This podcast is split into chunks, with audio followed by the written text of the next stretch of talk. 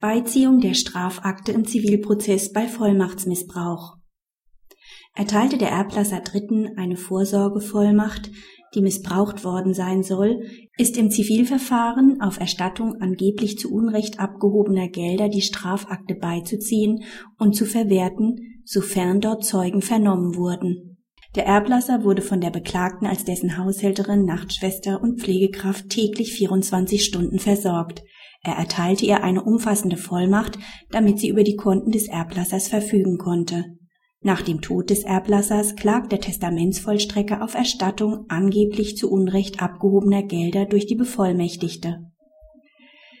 Im zuvor parallel durchgeführten Strafverfahren wurden zahlreiche Zeugen zum Tatvorwurf gehört und die Beklagte letztlich aus tatsächlichen Gründen freigesprochen, da der strafrechtliche Tatvorwurf nicht bewiesen werden konnte. Im Zivilprozess beantragten die Parteien unter anderem die Beiziehung der Strafakte wobei die Beklagte Bevollmächtigte die Zeugeneinvernahme im Zivilprozess ebenfalls beantragte. Das Landgericht zog die Strafakte jedoch nicht bei und vernahm auch keine Zeugen zum Sachverhalt, sondern verurteilte die Beklagte zur Erstattung von circa 165.000 Euro. Das Oberlandesgericht München sah darin einen groben Verfahrensfehler, hob das erstinstanzliche Urteil auf und verwies das Verfahren zur vollständigen Neuverhandlung zurück. Dabei betonte es, dass die Beiziehung der Strafakte und die beantragte Zeugenvernehmung hätten erfolgen müssen. Einer Vollmacht, die zu Kontoverfügungen berechtigt, liegt in der Regel ein Auftrags- oder Geschäftsbesorgungsvertrag dahingehend zugrunde, dass der Bevollmächtigte Geldbewegungen nur im Interesse oder nach Weisung des Vollmachtgebers vornehmen darf.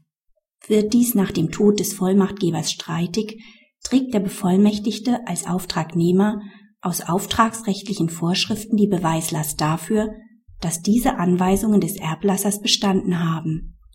Das Oberlandesgericht legt den Zivilgerichten nun bei einem wegen desselben Sachverhalts durchgeführten Strafverfahrens die Pflicht auf, den Sachverhalt notfalls durch Beiziehung und Verwertung der Strafakte umfassend aufzuklären.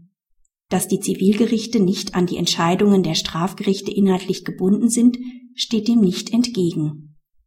Praxishinweis Der Vorwurf des Missbrauchs einer Vorsorgevollmacht wird in der Praxis vom Erben gegenüber dem vormals Kontobevollmächtigten nach dem Todesfall häufig erhoben. Um den Bevollmächtigten davor zu schützen, sollten Vollmachtgeber und Vollmachtnehmer einen der Vollmacht zugrunde liegenden Vertrag schließen und darin die Beweislast des Paragraphen 666 BGB umkehren. Diese Bestimmung ist insoweit disponibel